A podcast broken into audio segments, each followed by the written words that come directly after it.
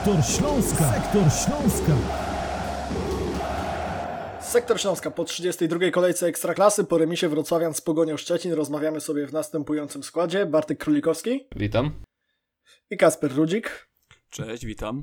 A gospodarzem jest Karol Bugajski. Kłaniamy się, zapraszamy na kilkadziesiąt minut rozmowy o Śląsku Wrocław, ale zanim o meczu z Pogonią Szczecin, to o przyjemnym jubileuszu, o przyjemnym oderwaniu się od tej codzienności, e, tej dosyć przykrej codzienności w ostatnich tygodniach związanych z drużyną Piotra Tworka, bo drogi Bartku, e, w niedzielę miałeś okazję być uczestnikiem e, uroczystości meczu charytatywnego rozegranego na stadionie przy ulicy Oporowskiej w dziesiątą rocznicę Mistrzostwa Polski, ostatniego Mistrzostwa Polski zdobytego przez e, Śląsk. Tam mecz rozegrali Mistrzowie Polski z 2012 roku i kibice, przyjaciele Śląska Wrocław. Jaka tam była atmosfera, co tam widziałeś, jak to wyglądało? No powiem Ci szczerze, że atmosfera była naprawdę powalająca na takiej zasadzie, że widać, że yy, kibice i ogólnie przede wszystkim po samych piłkarzach, po samych zawodnikach, bo tak widać, że oni się realnie, faktycznie bardzo cieszyli, że to w ogóle zostało zorganizowane, że mogli się po tych latach wszyscy spotkać znowu. To najbardziej, oczywiście to w trakcie meczu też było widać,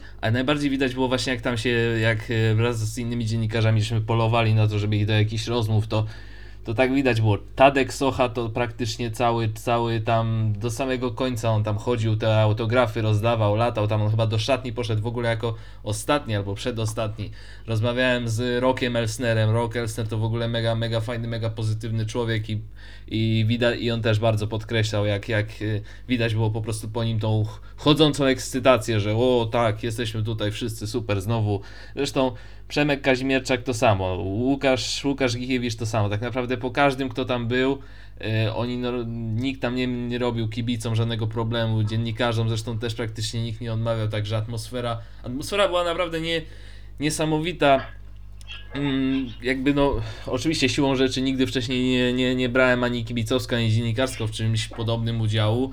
I naprawdę jeszcze, jeszcze taka aura ogólnie była, pogoda dopisała, wszystko się tam tak naprawdę zgadzało i widać było, że, no, że, że wszyscy doskonale rzewnie, rzewnie to pamiętają. Owacje dla tych zawodników były niesamowite, zwłaszcza dla... Rock to w ogóle był gwiazdą moim zdaniem tego meczu. Strzelił gola, nie głową, co ciekawe, strzelił nogą, nie głową. Trochę, trochę szkoda, miałem nadzieję, że... Bardzo fajnie by było, gdyby tak strzelił głową w 51 minucie, to by było idealne, no ale tak czy inaczej. Yy, w ogóle wychodził jako pierwszy, także naprawdę jestem naprawdę mo można, można być dumnym z tego, z tego, co się zobaczyło. No i jak troszkę mniej dumnym, jak się porówna z tym, jak wygląda ten zespół dzisiaj, ale mm, o, tym, o tym będzie później. W każdym razie oceniam to naprawdę niesamowicie pozytywnie i, i, i, i, i, bardzo, i jakby bardzo, bardzo się cieszę, że ja mogłem wziąć w tym udział i bardzo się cieszę też za tych zawodników, że oni mogli wziąć w tym udział, bo, bo widać, że dla kibiców to było świetne, dla nas dziennikarzy to było świetne, ale przede wszystkim dla nich. Naprawdę taka ekscytacja, jaka była tej drużyny, to ja chyba jeszcze nigdy nie widziałem. Dużo materiałów z tego meczu na naszej stronie, będą rozmowy Bartka, są już zdjęcia, jest relacja, także y, to wszystko, co działo się w niedzielę na stadionie przy ulicy Oporowskiej we Wrocławiu jest doskonale udokumentowane na Śląsknecie. Kasper aż się łezka wokół kręci, jak człowiek sobie pomyśli, uświadomi, że to już 10 lat od tego Mistrzostwa Polski. Pamiętasz tamten mecz y, przy Rejmonta, czy on już wyparował z pamięci, bo później tak świętowałeś? Znaczy, ja wtedy miałem 12 lat. Można świętować. 15. 15 lat, więc już tam było lekko świętowane, ale bez żadnych szaleństw wielkich i też, no ja, ja jestem z okolic innych e, niż Wrocław, bo to tereny są głównie za Zagłębiem Lubin, więc e, też nie byłem na tym meczu z różnych powodów. Natomiast tak, gdzieś w moim domu z moimi bliskimi się cieszyłem ja, oni bardziej byli przy tym świętowaniu. I naprawdę fajnie było wspomnieć tamten e, okres, tą drużynę, która była tak e, długimi latami budowana, miała też bardzo ciekawych e, piłkarzy.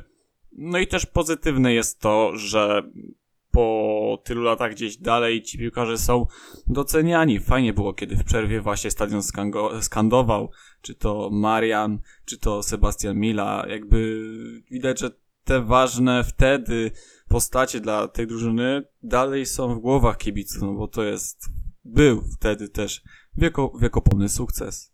7 do 1 dla drużyny Mistrzów Polski 2012 roku w spotkaniu z kibicami. Mateusz Setnarski, Rok Elsner, Piotr Celeban, Sebastian Dudek, Łukasz Madej, Dariusz Tylka i Łukasz Gikiewicz wpisywali się na listę strzelców e, w tym meczu, który został rozegrany przy Oporowskiej. Meczu kilkanaście, kilkadziesiąt godzin po tym, co działo się na Pilczycach. Tam było trochę mniej efektownie, bramek mniej niż 8, e, bo jedna dla Śląska Wrocław, jedna dla Pogoni Szczecin. Punkt cenny w walce o utrzymanie, punkt, który myślę na koniec sezonu Bartek może nam dużo dać, bo wiemy też, jaki wynik osiągnęła później Wisła Kraków w spotkaniu z Jagiellonią Białystok. Natomiast ja mam do Ciebie takie pytanie, dlaczego te twarze Śląska były dwie w sobotę. Dlaczego ta pierwsza połowa i druga stanowiły aż, aż taką różnicę? Znaczy, moim zdaniem dużą rolę to, to, to jest na takiej zasadzie, że, przeci- że gra się też tak, jak przeciwnik pozwala i to i to było w, pierwszej połowie zwłaszcza było widać, że nie, nie odmówię tutaj, że Śląskowi się, się chciało. Widać było po tych zawodnikach, że, że oni mają świadomość tego, tego, o co chcą grać, natomiast troszeczkę mniejszą świadomość chyba miała Pogoń, ponieważ y, portowcy przespali kompletnie tą pierwszą połowę, przez co też Śląskowi, Śląskowi było łatwiej, więc jakby tu złożyły się na to dwa czynniki, że, że i rywale tą pierwszą połowę no, grali fatalnie, ale Śląsk też, też jakby E, też, też potrafił to wykorzystać, no i, i co najważniejsze udokumentować to, to golem, no bo wiemy jak, jak, jak, jak, tą, jak tą wiosną jest, jest z golami dla Śląska ciężko, zwłaszcza ten, który go strzelił, Erik Exposito, tylko dopiero jego drugi, drugi jeżeli się nie mylę, gol, gol wiosną. I drugi dający, i drugi przyczyniający się do punktów, bo pierwszy, ile dobrze pamiętam, był chyba w Płocku. Także, no, jak mówię, w pierwszej połowie mm, Śląsk też mógł więcej zrobić, bo bo też rywale na, na więcej pozwalali. Na w drugiej, w drugiej to z kolei zadziałało jakby odwrotnie, że to Śląsk z jakiegoś, po, y, że to Śląsk tak naprawdę poszedł spać, a, a, po, a Pogoń jakby zaczęła grać i gdyby nie Matusz Putnocki, no to to by się skończyło dużo, dużo gorzej, ale to myślę też jest kwestia przygotowania fizycznego, bo to już nie pierwszy raz widzimy, kiedy zespół Śląska 60-70 minuta a oni już gubią płuca na zasadzie takiej, no że, że Dino Stiglec już oddycha rękawami w 65 minucie, no to możemy się już jakby być przyzwyczajeni do tego, bo to nie jest akurat nic nowego. Natomiast widać, że tutaj jest ewidentnie jakiś problem, problem fizyczny, no bo była taka, była taka akcja, w której Fabian Piasecki miał piłkę i mógł iść z kontratakiem, ale on tak naprawdę był sam na, na trzech zawodników i zanim on by, i zanim on, pocze- zanim on by poczekał, aż reszta do niego by dołączyła, to on by stracił tą piłkę, co zresztą zrobił jakieś 20 razy w tą i we w tą. Także to jest też kwestia przygotowania na pewno jakiegoś motorycznego, bo nie widać, nie widać było, żeby, żeby ta drużyna tak biega, żeby w ogóle jakaś tam większa intensywność w tej, w tej drugiej połowie była. Może to nie było tak jak przy okazji niedawnego meczu z Wisłą Kraków, kwadrans grania i do spania, tak jak wtedy zatytułowaliśmy tytuł naszego podcastu Kasper. E, natomiast no, ja, ja Ciebie chciałbym zapytać, znając Twoją naturę, naturę człowieka e, analizującego, nie chcę powiedzieć, że naturę dekadencką, ale człowieka, który podchodzi do pewnych spraw bardziej analitycznie może niż inni redaktorzy Śląsknetu. Czy dla Ciebie ten remis to jest szklanka do połowy pełna czy pusta? Niech to będzie taki wytrych, który otworzy e, dla Ciebie dyskusję o tym meczu. Znaczy, jeżeli w ogóle mamy spojrzeć na to, w jakiej sytuacji jest Śląsk, no to musimy patrzeć, że on grał z drużyną, która jeszcze teoretycznie była w grze o mistrza, o grze z drużyną, która jednak e, walczy o najwyższe cele i ma mnóstwo jakości. No to jest ta różnica, że nas, nasz najlepszy zawodnik schodził, czyli Patrick Olsen, zawodnik z najlepszą wizją gry, z techniką, a w Pogoni, kiedy była potrzeba, to oni jeszcze Bichczachciana wprowadzają z ławki, który też ma bardzo wysoką jakość, więc to pokazuje jakby z kim my się mierzyliśmy. Dlatego też nie do końca trochę zgadzam się z tym, co e, Bartek powiedział, z tego względu, że myślę, że tu była decydująca jednak jakość piłkarska, a Pogoń w ten mecz weszła trochę gorzej. Śląsk przede wszystkim pressingiem gdzieś to e, nadrabiał w środkowej strefie, bo tam Olsen, Mączyński e, i Schwarz bardzo dobrze się uzupełniali. Natomiast no Olsen u trenera a Tworka no dostaje te 60 parę minut jednak potem jemu akurat tak. U niego jest gdzieś ten problem fizyczny, że już potem w defensywie tego nie domyka. Moim zdaniem ta szklanka jest jak najbardziej e, pełna, bo trzeba wziąć poprawkę na to, z jakim rywalem my graliśmy i jakie problemy ma Śląsk Eee, I też, no, że był ten element gdzieś przełamania dla Erika Exposito. W ogóle też pozytywne moim zdaniem było to, że zjawiło się blisko 10 tysięcy kibiców, jeżeli 2000 to są kibice z, ze Szczecina, to jednak ta drużyna jest na granicy e, spadku i utrzymania, gdzieś to wsparcie kibiców było. Wczoraj była cały czas taka pozytywna atmosfera na tym meczu. Mimo tej straconej bramki gdzieś była taka atmosfera jednak pozytywnej walki o to, że takiej świadomości, gdzie my jesteśmy i z kim się mierzymy, więc moim zdaniem jak najbardziej trzeba docenić ten mecz, a potem ze Stalą i z Górnikiem zrobić dalej swoje. Pytany na pomeczowej konferencji prasowej trener Piotr Tworek o to, co się stało z tym Śląskiem w drugiej połowie, mówił, straciliśmy impet w zakładaniu pressingu, ta, ta druga połowa jest dla nas niepokojąca. Ty Bartek wspomniałeś o tych aspektach fizycznych, które być może odegrały e, swoją rolę, swoje znaczenie. Ja też proponowałem trenerowi Kościelniajczowi dyskusję o tym, czy może zmiana e, w, na pozycjach stoperów, czyli nieobecność wykartkowanych Trianta Filopulosa i Cecha miało taki wpływ na niezbyt pewną postawę de- defensywy Pogoni w pierwszej części. Trener Runiajcz nie chciał tej dyskusji podjąć i e, doszło do pewnej wymiany zdań na temat tego, która para stoperów jest podstawową e, w Pogoni Szczecin, która nie jest. Natomiast fakty też są takie, że Igor Łasicki w tej e, sytuacji, w której na listę strzelców wpisał się Erik Exposito, po prostu nie wyskoczył do piłki, po prostu zawiódł i Hiszpan dosyć łatwo go przeskoczył, zaskoczył w tej sytuacji, zdobył bramkę na 1 do 0. Druga połowa jest dla nas niepokojąca, będziemy analizować, ja teraz parafrazuję trochę te słowa trenera Tworka, będziemy analizować, dlaczego tak się stało. E, Bartek, czy, czy, czy właśnie przy tych aspektach fizycznych się zatrzymujemy, czy e, bierzemy poprawkę na to, z kim graliśmy, że ta pogoń nie mogła tak po prostu e, przejść do porządku dziennego z tym wynikiem 0 do 1, czy jednak Śląsk jest zespołem, który znowu, nie potrafiąc dokończyć sprawy, zdobywając bramkę na, na 1 do 0, a, a później pakując się w kłopoty, e, no to jest czynnik e, do, dostarczający jakiegoś niepokoju przed dwiema ostatnimi kolejkami? Znaczy się tutaj akurat y, jakby myślę, że i to co ja mówiłem pod, y, z tymi aspektami fizycznymi, ale też to co Kasper mówił, jakby ta no, różnica, różnica jakości piłkarskiej, która jest obecnie pomiędzy, pomiędzy Pogonią a, a Śląskiem naprawdę ogromna i, i myślę, że jakby połączenie obu tych rzeczy dało tak naprawdę dało tak naprawdę mm, taki efekt, jaki, jaki było widać. Zresztą akurat ja śledziłem ostatnie mecze Pogoni i to jest zespół, który ogólnie w ostatnich kilku kolejkach, chociażby z Legią Warszawa, ich ostatni mecz oni grali lepiej też w drugiej połowie, więc to może być też e, pod kątem charakterystyki, charakterystyki rywala. No ale też jakby się przyjrzeć zespołom, z którymi Śląsk jeszcze będzie grał, czyli Stal Mielec i Górnik Zabrze. Stal Mielec y, w tej kolejce chociażby 3 do, 3 do 2, y, przepraszam, 2 do 3 przegrała z, z, zespołem Lech i Gdańsk, ale z, jedno, ale z drugiej strony wyszła z 2 do 0, więc jest to drużyna, która pomimo już jest gdzieś blisko tego utrzymania, bo oni mają tam te jeżeli się nie mylę, mityczne 6, 36 punktów, które tam według y, różnych tam mm, szacunków powinno dawać utrzymanie. To zresztą jest prawdą, no bo e, wątpię, żeby tyle zespołów doszło do tego pułapu punktowego, to już jest chyba nawet niemożliwe, żeby, żeby aż tyle zespołów miało, dosz, doszło do doszło do takiego pułapu punktowego, więc na pewno Stal nie będzie miała zamiaru się tutaj w żaden sposób traktować. Natomiast jaki będzie mecz z Górnikiem jaki im, i czy, czy ten niepokój związany z, z tymi wszystkimi problemami pod, potencjalnie fizycznymi, jak duże będzie miał znaczenie, no to to zdeterminuje jakby ten mecz ze Stalą, bo jeżeli, pogo, y, tfu, jeżeli Śląsk ze Stalą mm, zdobędzie 3 punkty, jeżeli wygra, no to już tak naprawdę z Górnikiem będzie to już... Górnik jest taką drużyną, która w ostatnich tygodniach gra sobie takie wesołe mecze, na zasadzie nie walczymy już w sumie o nic, ale jeszcze możemy chociaż przynajmniej jakoś fajnie pograć w piłkę i tak się kończy takie 5 do 3 jak, jak, jak w tej kolejce e, z Legią Warszawa. Więc jakby czy to jest, czy to są powody do niepokoju? Oczywiście są jak najbardziej, ale też musimy popatrzeć na sytuację, w której się. Jakby ten, ten mecz z Mielcem tak naprawdę zadecyduje o tym, czy, czy, czy w tej ostatniej kolejce będą, będzie jeszcze. Będzie jeszcze.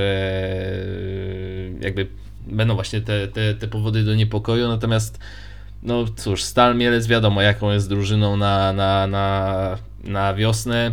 Wygrali co prawda z Legią, ale umówmy się, że wygranie z Legią w tym sezonie to nie jest takie wielkie nie jest taka wielka rzecz jak w innych sezonach, więc, no więc zobaczymy. No, trudno, trudno tak naprawdę, mecz jest meczowi nierówny. Na pewno Stal nie ma takiej jakości jak Pogoń, więc być może nawet jeżeli dojdzie do jakiegoś kryzysu kondycyjnego, tak jak nawet jeżeli tak jakby doszło tutaj w meczu z Pogonią, to może nie będzie to aż tak widoczne, no bo Stal jednak czysto teoretycznie na papierze jakościo, jest dużo mniej jakościowo zesp- jakościowym zespołem nawet od Śląska, a co dopiero od Pogoni. Będziemy sobie również o tych meczach, o tych rywalach, którzy pozostali Śląskowi y, mówić więcej w dalszej części naszego podcastu. Natomiast jeszcze zatrzymując się przy pogoni, Kacper, ja chciałem Ci zaproponować jedno nazwisko piłkarza, który wrócił do wyjściowej jedenastki, wrócił chyba zasłużenie po tym, co e, wydarzyło się w Białymstoku, po tej akcji na wagę punktu wtedy, czyli Denis Jastrzębski, gracz, który dostał w sobotę od trenera Piotra Tworka 80 minut. Y, Nie wiem, jak Ty się ustosunkujesz do, do tezy, którą postawię, natomiast moja teza jest taka, że y, to było bardzo pozytywne, to co zobaczyliśmy w sobotę, y, bo ja raczej obawiałem się, że to był jednorazowy błysk, a ten Denis Jastrzębski szczególnie w pierwszych fragmentach meczu z Pogonią, szczególnie w pierwszej połowie pokazał, że nie wiem, może kiedy ta presja związana z walką o utrzymanie nie chcę powiedzieć, że jest coraz mniejsza, bo ona cały czas istnieje, ale kiedy Śląsk się z nią oswoił, no to też ten Jastrzębski może formę ustabilizować trochę. Zgadzam się, że ta presja jednak może robić na nim swoje. Chociaż no z drugiej strony też w Hercie Berlin, jak tam był, to też nie jest drużyna, która walczyła o mistrzostwo, tylko raczej gdzieś tam w środku tabeli była. Natomiast no na pewno ta presja robiła swoje. Ja myślę, że też może dochodzić taki trochę naturalny element, który został trochę pominięty, czy jednak nauki ligi, bo zawodnik grający w obronie, tak jak przykład Bejger, gdy przychodzi z zagranicy, ma trochę inne potrzeby, żeby się nauczyć gry z rywalem, niż w ekstraklasie, jak ma to miejsce, powiedzmy, dla zawodnika ofensywnego, gdzie często ci zawodnicy ofensywni przychodzą do naszej ligi, mają problem na początku, żeby się odnaleźć. Może to jest ta kwestia, że Bejger, e, przepraszam, Bejger, że Jastrzębski powoli uczy się tej ligi i potrafi gdzieś pokazywać swoje lepsze strony. No, mnie ten mecz w jego wykonaniu e, nie zachwycił, natomiast miał dobre, pozytywne akcenty. Na pewno był lepszy od Roberta Picha, który no, za wiele dobrego moim zdaniem w tym meczu nie dał, symboliczna była druga połowa, gdzie praktycznie co chwilę notował e, straty, wyprowadzając jakieś powolne kontry. Natomiast Poprawcie mnie, jeżeli się nie mylę, ale to chyba on dośrodkowywał e, wtedy e, przy tym rzucie wolnym, zanim padła bramka dla Śląska. Kto wie, no. Śląsk potrzebuje tego, naprawdę. Śląsk potrzebuje tak jak tlenu, jak punktów potrzebuje jak tlenu, tak samo potrzebuje, żeby ci zawodnicy sprowadzeni zimą jednak pokazali swoją jakość. Olsen to robi, e, Gretarsson może by też to robił, gdyby nie to nieszczęsne żebro. Może też czasem Jastrzębski pokaże, że ten początkowy kryzys to był tymczasowy i już zacznie powoli rozwijać swoje skrzydła. Patryk Olsen, Denis Jastrzębski, zawodnicy sprowadzani jeszcze za kadencji trenera Jacka Magiery. Ja też obawiałem się z biegiem czasu, że y, jeżeli ten Denis Jastrzębski pod wodzą Piotra Tworka cały czas nie będzie się sprawdzał, jeżeli on będzie głównie rozczarowywał, to kwestią czasu jest uruchomienie takiego protokołu przez Piotra Tworka hola hola, to jest transfer mojego poprzednika, Jacka Magiery, który z tym Jastrzębskim się znał, który gdzieś tam wcześniej z nim rozmawiał, kiedy jeszcze był selekcjonerem kadry U20. Proszę mi tutaj nie mówić, że ja go nie wykorzystuję, bo ja tak naprawdę do końca tego zawodnika nie znam, nie chciałem i tak dalej, i tak dalej, ale wydaje mi się, Bartek, że e, o tym Jastrzębskim możemy wreszcie coraz bardziej i coraz częściej mówić po prostu na podstawie jego występów, nie na podstawie takiego teoretyzowania. Znaczy, jeżeli chodzi o Denisa Jastrzębskiego, no to, no to tak jak tutaj Kas- Kasper mówił, może on po prostu potrzebował czasu, żeby do tej naszej jednak dość specyficznej ligi się, się wpasować i myślę, że te dwa mecze, które zostały, te ze Stalą z Górnikiem Zabrze, one będą bardzo ważne dla Denisa Jastrzębskiego. Bardzo by się przydało, żeby on też w którymś z tych meczów dał w końcu jakiś taki konkret w postaci gola albo asysty, żeby zan- zanotował taką dobrą końcówkę tego sezonu, co też jakby ułatwi mu o, cały okres przygotowawczy, jakby pozostanie y, wejście w tę drużynę w nowy sezon. No bo ten chłopak, może on jest, tro, on jest troszeczkę mm, jeszcze, że tak powiem, surowy trochę technicznie, no bo to mm, widać, że to, to, to, to jeszcze, jeszcze, jeszcze dużo aspektów jest do dopracowania, ale na pewno widziałbym go w, y, nawet pod kątem przyszłego sezonu jako takiego zawodnika, który no nie wiem, czy w pierwszej 11, na przykład takiego, który szarpnie, da coś z ławki, faktycznie coś y, da, jak, jakiś konkret, jakieś, tylko no mówię, do tego potrzebne są konkrety, gole, asysty i naprawdę y, bardzo ważne będą dla niego te, te ostatnie dwa mecze, żeby pokazać, że tak, ja też potrafię tej drużynie sporo dobrego dać i myślę, że y, jest spora szansa, że jeszcze będzie, będzie dużo pociechy z Denisa Jastrzębskiego, bo to, bo to jakby widać było w tych w tym, chociażby w tym pierwszym meczu, no już będziemy wracać do tego jego debiutu z Lechią Gdańsk, no, no gdzieś tam coś ten chłopak jednak potrafi zrobić trochę lepszego na naszą ligę i po, potrzeba mu jeszcze takiego obycia i takich dobrych, solidnych y, występów na poziomie i teraz złapał właśnie e, w, zeszłym tygodniu z, z, z e, tak, z Jagiellonią i teraz z Pogonią takie, takie całkiem solidne występy. Jeżeli udałoby mi się, mu się to podtrzymać na dwa kolejne mecze, no to będzie taka jego pierwsza seria tak naprawdę y, w barwach Śląska takich solidnych występów i, i myślę, że to będzie też taki dobry, dobre fundamenty pod budowanie jeszcze jakiejś lepszej formy na, na następny sezon. Myślę, że to również niezły moment, żeby zachęcić do dyskusji e, naszych widzów czy naszych słuchaczy. Zostawiajcie komentarze na temat e, zawodników Śląska, gry Śląska, na temat tego wszystkiego, o czym rozmawiamy, e, bo myślę, że Wasze głosy również są bardzo ciekawe. Dużo tych komentarzy na naszej stronie, a pod podcastami i komentarzy, i łapek w górę czasami, czasami brakuje. Także do tego zachęcamy, o tym przypominamy. Bartek, ty po meczu z Jagiellonią napisałeś o Denisie Jastrzębskim w naszym cyklu jakim składem, że on za, zanotował taką niepisaną asystę, no bo wiadomo, samobój Michała Pazdana. Za to Kacper w tym meczu przeciwko Pogoni Szczecin asysta już jak najbardziej zapisana, pełnokrwista asysta autorstwa Dino Sztygleca. Dużo się mówi o zdobywcy bramki, czyli o Eriku Exposito, natomiast wydaje mi się, że nie tylko w oczach naszego kolegi Jakuba Luberdy, czyli największego fana Dino Sztygleca w redakcji portalu śląsk.com, ale również e, w oczach innych, również w oczach kibiców Śląska Wrocław, Dino Sztyglec tą piłką e, trochę zyskał. Później miał jeszcze takie dwa niezbyt udane strzały, ale i tak, jak na to, co Sztyglec mógłby wyprawiać w meczu Śląska, to w sobotę nie było najgorzej. Jakiś taki punkcik do przodu chyba jest. Tak, bardzo symboliczne było to, gdy padła ta bramka i cały stadion gdzieś no, wyskoczył w tej takiej e, ekstazie, że sam Dino Stiglitz upadł na kolana i cieszył się tak, jakby właśnie zdobył Mistrzostwo Świata i to było bardzo symboliczne, że Erik Exposito gdzieś tam pobiegł na rożnik, a Stamasz e, ze Stiglecem razem gdzieś tam w objęciach świętowali e, tę bramkę.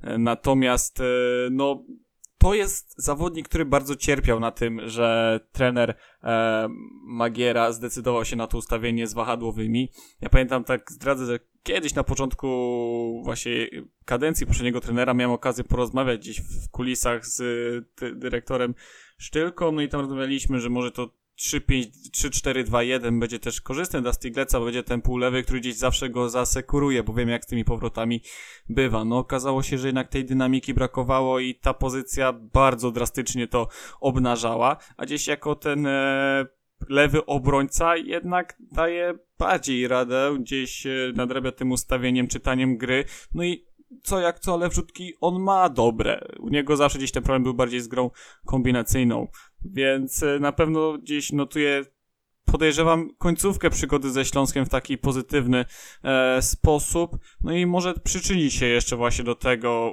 utrzymania Śląska, tak? No jeszcze ma dwie, podejrzewam, okazje, aby jeszcze swój taki stempel jakieś pozytywne zamknięcie tej e, trzyletniej przygody e, ze Śląskiem dzisiaj to zamknąć. Yy, tak, bo ja chciałem tylko jeszcze a propos Dino Sztigleca, tak mówi, mówiliście, że on właśnie jak za- zanotował tą asystę, to tak takiej naprawdę celebracja była spora, bo myślę, że jest to zawodnik, któremu, któremu zależy, bo też na marginesie mogę wspomnieć jeszcze wracając do tego, do tej e, dzisiejszej, do tego dzisiejszego jubileuszu. e, Dino Stiglec był jednym z bodajże e, trzech lub czterech, zaraz, Stiglec, Piasecki, Exposito i, i Łyszczarz, tak, którzy się tam pojawili i Dino faktycznie bardzo udzielał się, jeżeli chodzi o kibiców, praktycznie cały czas go widziałem, jak gdzieś tam składa autografy, gdzieś tam faktycznie z tymi kibicami wchodził, wchodził w taką interakcję. I szczerze powiedziawszy bardzo mi się to podobało, bo zawsze, zawsze doceniam, kiedy piłkarze robią coś takiego, bo to, bo to pokazuje, że on, nie, że, że on ma świadomość, że on nie jest tutaj tylko po to, żeby, żeby sobie być, ale faktycznie stara się gdzieś jakoś się identyfikować z tym klubem, z tymi, z tymi kibicami, pokazywać, pokazywać że, że mu zależy. I to był taki naprawdę bardzo, bardzo ładny, bardzo ładny obrazek to akurat do, pasuje doskonale do tego, do tej jego celebracji, tej asysty, że, No zależy chłopu, on może już nie dawać, on może już nie dawać rady fizycznie, on może już mieć jakby swoje lata na karku, gdzieś tam się zbliżać do tego drugiego końca rzeki, ale na pewno tego charakteru i zaangażowania mu nie mogę, nie mogę, nie mogę odmówić. Dina Sztyglec, jego kontrakt, który obowiązuje ze Śląskiem do końca sezonu, y, to była piąta asysta, to co zrobił w sobotę w meczu z Pogonią Szczecin, była też bramka na początku sezonu w meczu z Lechią Gdańsk, natomiast piąta asysta piątą asystą, ale z tych poprzednich to on się cieszył 27 listopada, wtedy nawet były dwie, jakoś tak mi to umknęło przy obu bramkach Śląska w meczu ze Stalą Mielec, to jest dzisiaj ostatnie zwycięstwo Wrocławian zresztą przed własną publicznością. Y, Był też w sobotę tak, był też, był też w sobotę, to, no to też jest ciekawe, może zaraz o tym powiemy. Był też w sobotę w Mixzonie Dino Sztyglec. Nie wiem, czy Kuba Luberda też wziął od niego autograf, mogę się tylko domyślać. Myślę, że, że panowie y, no, nawiązali jakieś, jakieś bliższe relacje, tam pytania też padały, także było ciekawie. O tej y, postawie przed własną publicznością też jeszcze za chwilę, bo chciałbym o tym porozmawiać w kontekście generalnie tej sytuacji Śląska walce o utrzymanie, tego co ten remis daje, co, co nie daje. Nie ukrywamy też, że rozmawiamy przed poniedziałkowym meczem Brookbetu Termaliki Włęcznej, a jeżeli Brookbet wygra, to może wywrócić stolik na dole tabeli. Jeżeli nie wygra, to z kolei istnieje taki scenariusz, że Śląsk nawet w razie porażki w Mielcu sobie zapewni utrzymanie w następnej kolejce, ale to też Wisła Kraków musiałaby pomóc i Brookbet musiałby przegrać również w 33 kolejce.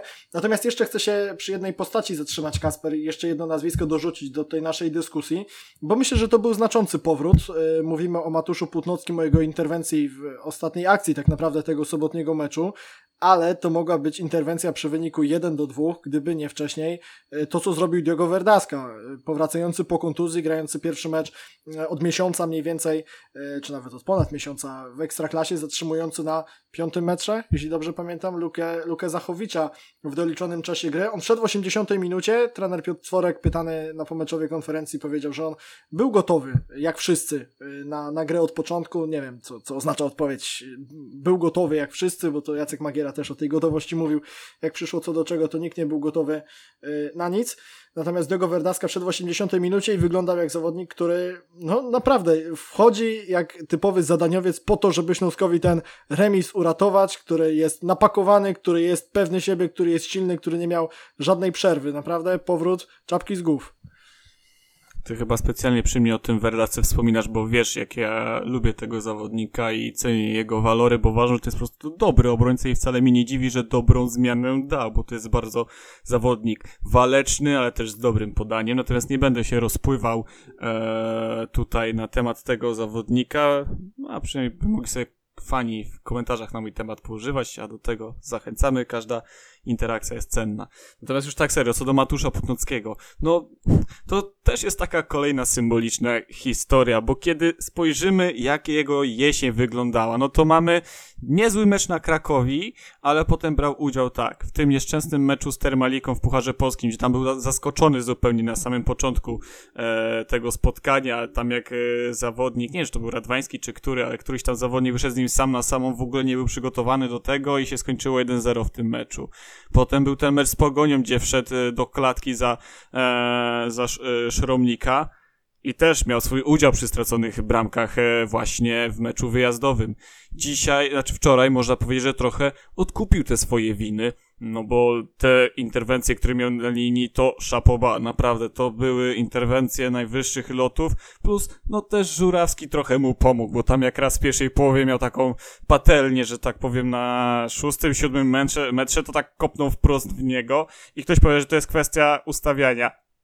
I tak, ale to jest naprawdę taka podstawa postaw i no to miał dobrą piłkę do wyłapania, idealną do jej interwencji. Natomiast tak, miał dwie takie interwencje klasowe i brawa dla niego, bo też jakby, no trochę jak z tym Stiglecem. Pięknie spina tą swoją historię, znaczy pięknie, czy walka o utrzymanie jest piękna, to co innego, ale gdzieś w tym trudnym momencie wchodzi i jednak daje znowu jakość, która pozwala wywalczyć punkty. Walka o utrzymanie jest szlachetna w zespole Śląska Wrocław i, i każdy musi to przeżyć wcześniej czy później, nawet jak się wydaje, że to, to będzie sezon, w którym Śląsk nie będzie walczył o mistrzostwo przez 10 kolejek czy 9 jest niepokonany, to później i tak ta rzeczywistość dopada. No, Mówisz o spinaniu klamrą, natomiast Bartek, ja mam taką no, w sumie ciekawą, myślę, kwestię do poruszenia. Jaka tam ta przyszłość Matusza Pudnockiego może być? Bo my tkwimy chyba cały czas w takim przekonaniu, może pewności, że ten jego kontrakt obowiązujący do 30 czerwca po prostu wygaśnie. Matusz Pudnocki ma 37 lat.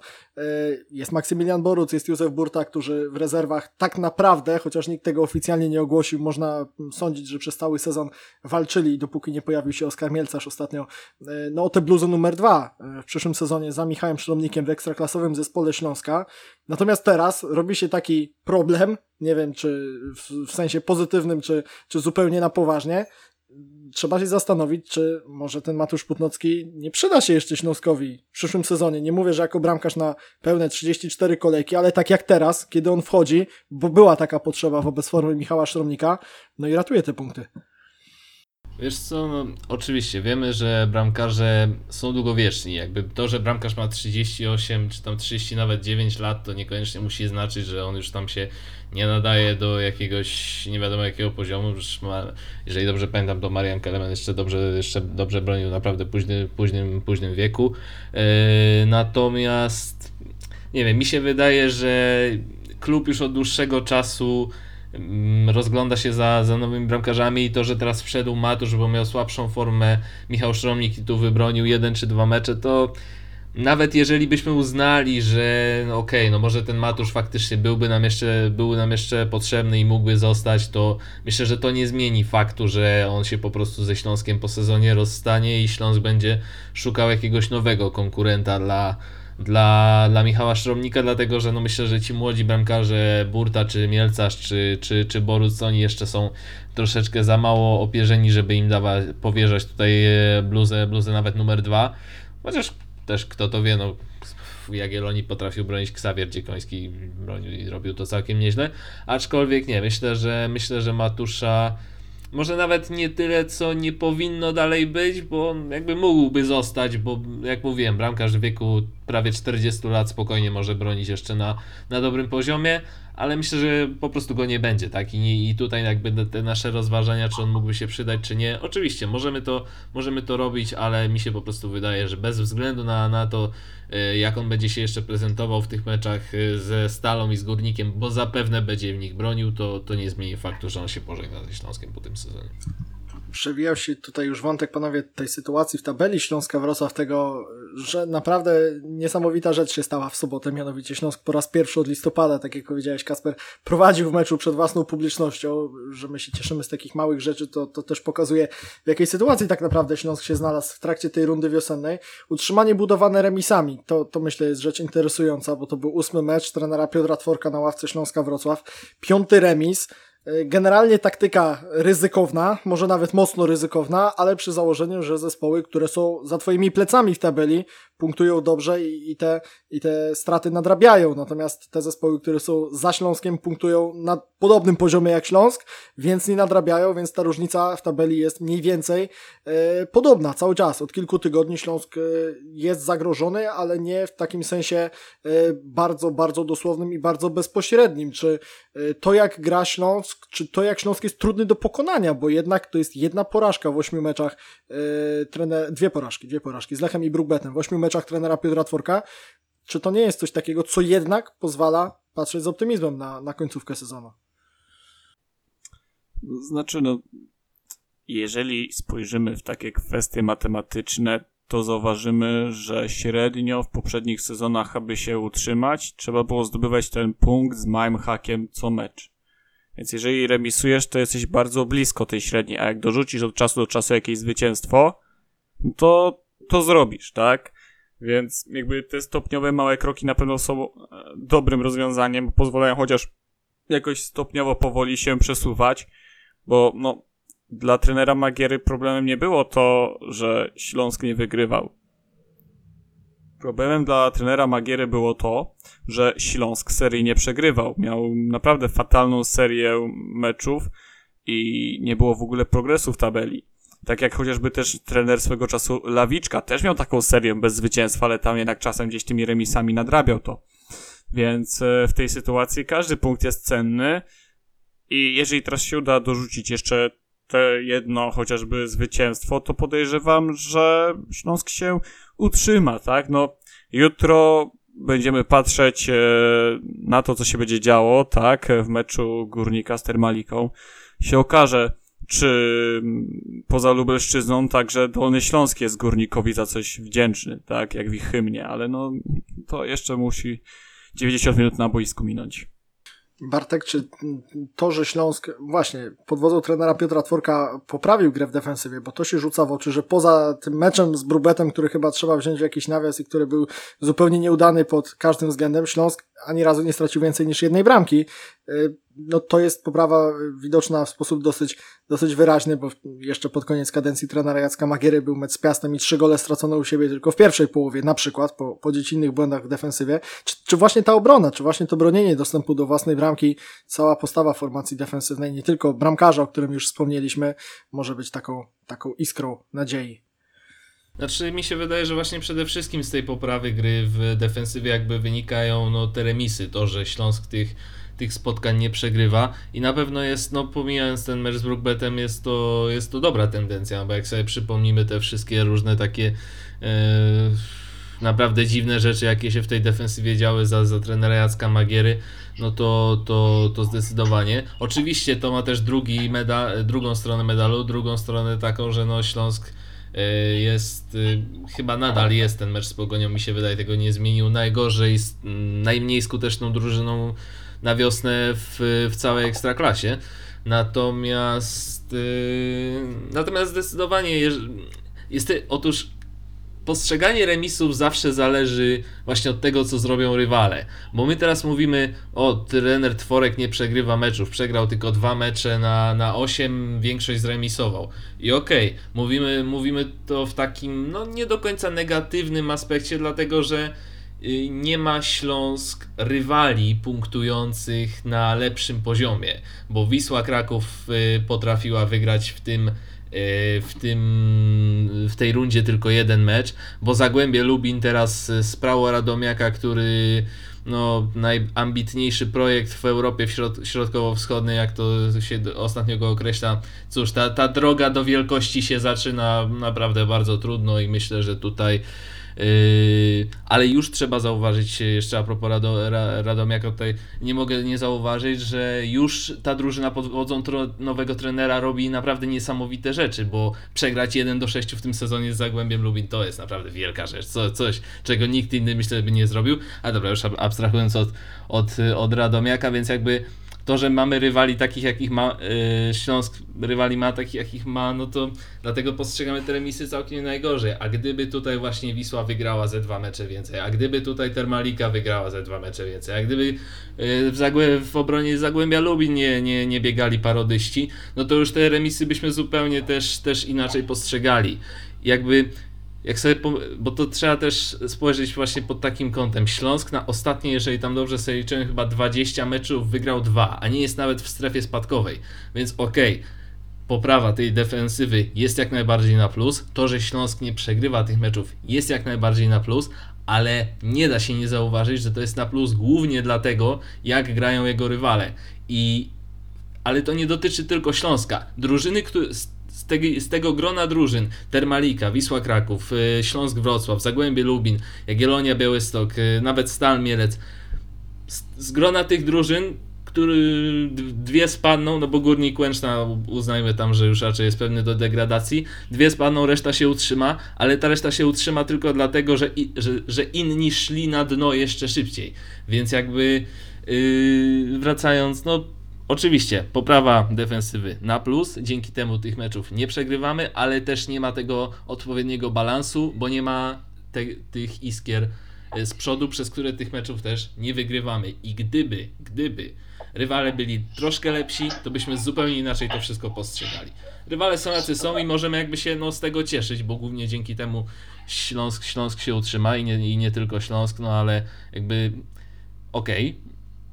na plus zdecydowanie poprawa defensywy, ale to, je, to nie jest tak um, do postrzegania tak bardzo, bardzo pozytywnie, jakby, jakby, jakby się wydawało, bo my jesteśmy też po takim złym okresie, gdzie naprawdę za Jacka Magiery fatalnie to wszystko w defensywie wyglądało i teraz ma tym bardziej doceniamy to, co zrobił, y, zrobił z defensywą Piotr Tworek. No ale ja też jakby cały czas jestem świadom tej drugiej strony tego medalu. Ja się tu trochę wtrącę, ale muszę no, trochę to skontrować, bo nie do końca rozumiem to gdybanie co do rywali, no bo na tym też trochę polega walka o utrzymanie, że przeciwnicy też mają swoje duże problemy, bo my też podobnie możemy powiedzieć, co by było, gdyby Tamasz nie miał tej kontuzji na reprezentacji, był całą rundę, nie były potrzeby grania Verdaską jako półlewy, gdyby każdy mógł grać na swojej pozycji, gdyby Janasik nie miał problemów zdrowotnych, gdyby Garcia nie miał swoich problemów zdrowotnych, gdyby nie było tego cyrku z Exposito i po prostu nie było tematu transferu do Chin, bo by było wiadomo, że takie dziwne zapisy w kontrakcie będą, no, na tym polega walka o utrzymanie, więc myślę, że nie ma co się obracać, patrzeć na rywali, bo każdy ma swoje problemy i warto jednak docenić to, że krok po kroku jest to robione w takich, a nie innych realiach. Nie, nie, ja wiem, ja, ja nie krytykuję absolutnie y, trenera Tworka za to, że no... Ja nie ma- mówię o krytyce, tylko o gdybanie mi chodzi, że ja trochę po prostu nie rozumiem tej perspektywy do końca. Znaczy nie, bo ja to, ja to tylko, ja to użyłem jakby tego gdybania tylko, żeby podkreślić, podkreślić to, że no okej, defensywa fajnie, nie przegrywamy meczów, ale też ich z, jed- z drugiej strony nie wygrywamy. I ja wiem, że no gdybanie tutaj nie ma jakby takiego większego sensu, no bo gdyby, gdyby, gdyby, gdyby niewiele rzeczy, to może Śląsk byłby w zupełnie innym miejscu teraz jako e, jako klub, natomiast y, no, no, jakby zgadzam się, no gdybanie nie do, nie do końca ma sensu, ale po prostu użyłem tego, żeby to jakby podkreślić, podkreślić pewien, pewien punkt. I to nie jest w żaden sposób żadna szpilka względem trenera Tworka, ża, ża, ża, żadna, żadna krytyka, tylko takie chwalmy to, co należy chwalić, ale też nie zapominajmy o, o myśleniu o tym, o krytykowaniu tego, co, co, co jeszcze, jeszcze nie działa. Może nie krytykowaniu, ale zwracaniu na to uwagi, więc, więc, więc Tak, panowie, przetrwajmy ten podcast bez krytyki Piotra Tworka, bo akurat y, i sam wynik, myślę, jest dosyć cenny. Remis z Pogonią Szczecin i na konferencji prasowej też zaprezentował się z zupełnie innej strony niż tydzień wcześniej w Białymstoku. Także Piotr Tworek w dzisiejszym podcaście otrzymuje od nas okejkę. Jest naprawdę, jesteśmy w dobrych relacjach akurat po tym meczu, także wszystko jest w jak najlepszym porządku. W uzupełnieniu tej dyskusji y, Śląsk, jak on wygląda w roku 2022, przed meczem Górnika Łęczna z Brookbetem oczywiście, tym poniedziałkowym, który zamyka 32 kolejkę. 10 punktów Śląska w 13 meczach, mniej tylko właśnie Łęczna, Radomiak i Stal Mielec. Jedno zwycięstwo, najmniej z Wisłą Kraków i Radomiakiem. 7 remisów w tych 13 meczach, więc e, utrzymanie budowane remisami, trochę słabością rywali, trochę, trochę własnymi problemami. Śląskie znalazł w takiej sytuacji, ale wydaje się, że, że może da radę z tego wyjść. Na koniec chciałem jeszcze porozmawiać o rezerwach Śląska, które też miały problemy w tej rundzie wiosennej, nawet problemy chyba jeszcze większe niż ten ekstraklasowy zespół, bo i bramek było traconych dużo i te perspektywy na wyjście z kryzysu, bo to był kryzys, nie ukrywał tego sam trener Arkadiusz Bator, e, był naprawdę spory. E, Natomiast Kasper, przyszedł maj, chwalcie łąki umajone, zwycięstwo 3 do 0 z Wisłą Puławy w poprzedniej kolejce, zwycięstwo 1 do 0 ze Zniczem w Pruszkowie w tej kolejce, czystego konta rezerwom też długo brakowało, zwycięstw długo brakowało, a tu nagle okazuje się, że e, trener Arkadiusz Bator, trochę mu to zajęło, ale dotarł do tego zespołu, jest utrzymanie na dwie kolejki przed końcem, brawo. Tak, jest em, potężny sukces e, rezerw, bo kto by się tego spodziewał? Jeszcze, nie wiem, dwa, trzy miesiące temu, jak był ten mecz e, z Lechem Poznań, że będzie walka e, o utrzymanie w wykonaniu drugiej drużyny, a tu no to zapowiadało się coraz e, mocniej. Natomiast no też trzeba pamiętać, że Śląsk wygrał ze Zniczem, z którym jakby gdzieś tam rywalizował bezpośrednio w tabeli, więc to też nie jest jakiś duży sukces, podobnie wcześniej z Wisłą Puławy, czyli na ten moment za Arkadiusza Batora Śląsk wygrał z kolejno drużynami sąsiadującymi, a miał problemy z większą częścią ligi, więc y, ja bardzo spokojnie podchodzę do tych wyników. Brawa dla chłopaków z rezerw, że utrzymali, bo to jest pewien sukces, co by nie mówić. Dalej tylko e, obecnie e, Lech i Śląsk e, były przez te dwa lata na poziomie centralnym jako drużyny rezerw. No i zobaczymy, czy wkrótce ktoś jeszcze dołączy, bo tam chyba bodajże Krakowia, jeżeli pamięć mi nie myli, gdzieś ma takie zakusy.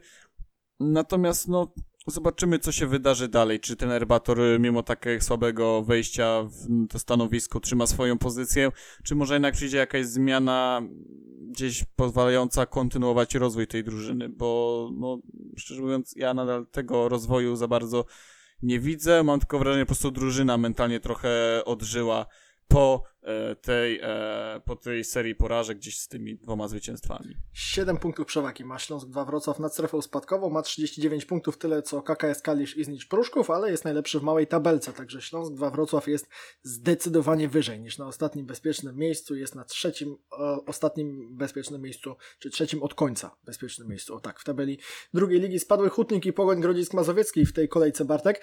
Fajnie, że ta druga liga utrzymana, natomiast właśnie to, o czym też powiedział Kasper, yy, trzeba się pewnie będzie zastanowić nad yy, dalszą formułą funkcjonowania, bo nie o to chodziło nam jeszcze kilka miesięcy temu, nie powiem, że przed startem sezonu, bo to w ogóle yy, myśleliśmy, że można powtórzyć ten wynik z poprzedniego sezonu, czyli miejsce tuż za strefą barażową.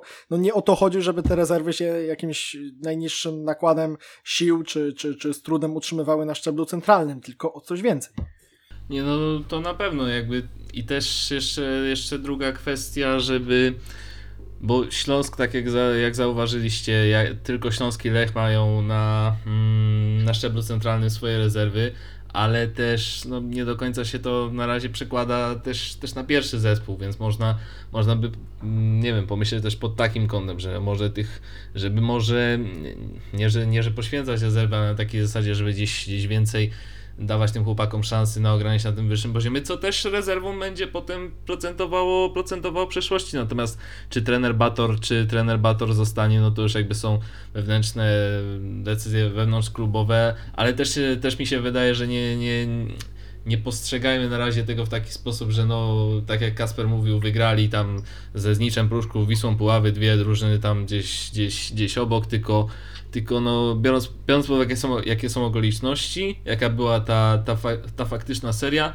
no to gdy przyszedł ten, ten taki decydujący moment, że trzeba było wygrać z tymi, z którymi trzeba było wygrać, no to, no to chłopaki sobie poradzili i jakby, jakby chwała im za to. I być może to też będzie takim dobrym bodźcem, że na przyszły sezon, że opatrzcie, tu już w zeszłym sezonie mieliśmy taką sytuację, było naprawdę bardzo źle, już się wydawało, że z tego się nie wyciągniemy, gdzieś tam ten spadek zajrzał w oczy i też być może będzie to szansa na to, żeby wyciągnąć, wyciągnąć z tego wnioski, bo niektórzy, niektórzy tak mówią w przypadku wyższych klas rozrywkowych, na przykład z ekstra klasy, a tym to by się należał spadek, bo, bo może ten klub by się ogarnął. Ale mi się wydaje, że więcej wniosków dobrych ze ze, ze spa, niż ze spadku można wyciągnąć właśnie z takiej udanej walki o utrzymanie na zasadzie takiej, że co zrobiliśmy źle, że do tej sytuacji w ogóle doszło, ale też co potem zrobiliśmy dobrze i w jakim kierunku mamy iść, że ostatecznie udało nam się z tego,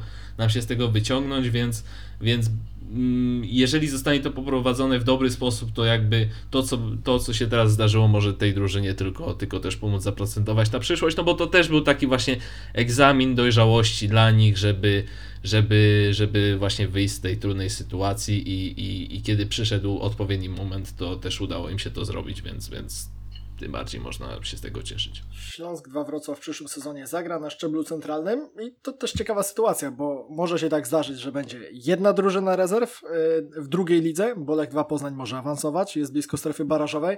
Może się tak zdarzyć, że będą cztery drużyny rezerw, bo Lech 2 Poznań równie dobrze może nie awansować. Yy, Kasper wspomniał o Krakowi, a blisko awansu jest także drugi zespół Zagłębia Lubin z tej, z tej grupy, z której awansował Śląsk 2 yy, w tym pandemicznym sezonie, więc to dopiero mogą być ciekawe spotkania też pewnie wróciłaby wtedy dyskusja, gdybyśmy w drugiej lidze mieli na 18 drużyn 4 ekipy rezerw, czy, czy może ta druga liga to, to jest za wysoki poziom na ekipy rezerw. Może one nie powinny grać na szczeblu centralnym, ale myślę, że takie ciekawe akademickie dyskusje to też jeszcze przed nami. Śląsk 2 Wrocław się utrzymał, Śląsk Wrocław może się utrzyma, są na to pewne szanse, są na to pewne widoki. Po remisie z Pogonią Szczecin 1 do 1.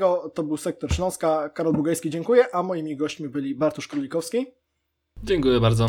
Oraz Kasper Rudzik. Do usłyszenia, cześć. Czyli redakcja śląsk.com na Galowo. Ja jeszcze przypomnę, że partnerem głównym naszego serwisu jest firma bukmacherska Elwibet. Zachęcam do komentowania, do zostawiania łapki w górę, do subskrybowania. To wszystko jest istotne. Śląsk Pogoń 1 do 1. Słyszymy się za tydzień. Hej Śląsk! To jest Sektor Śląska. Sektor Śląska.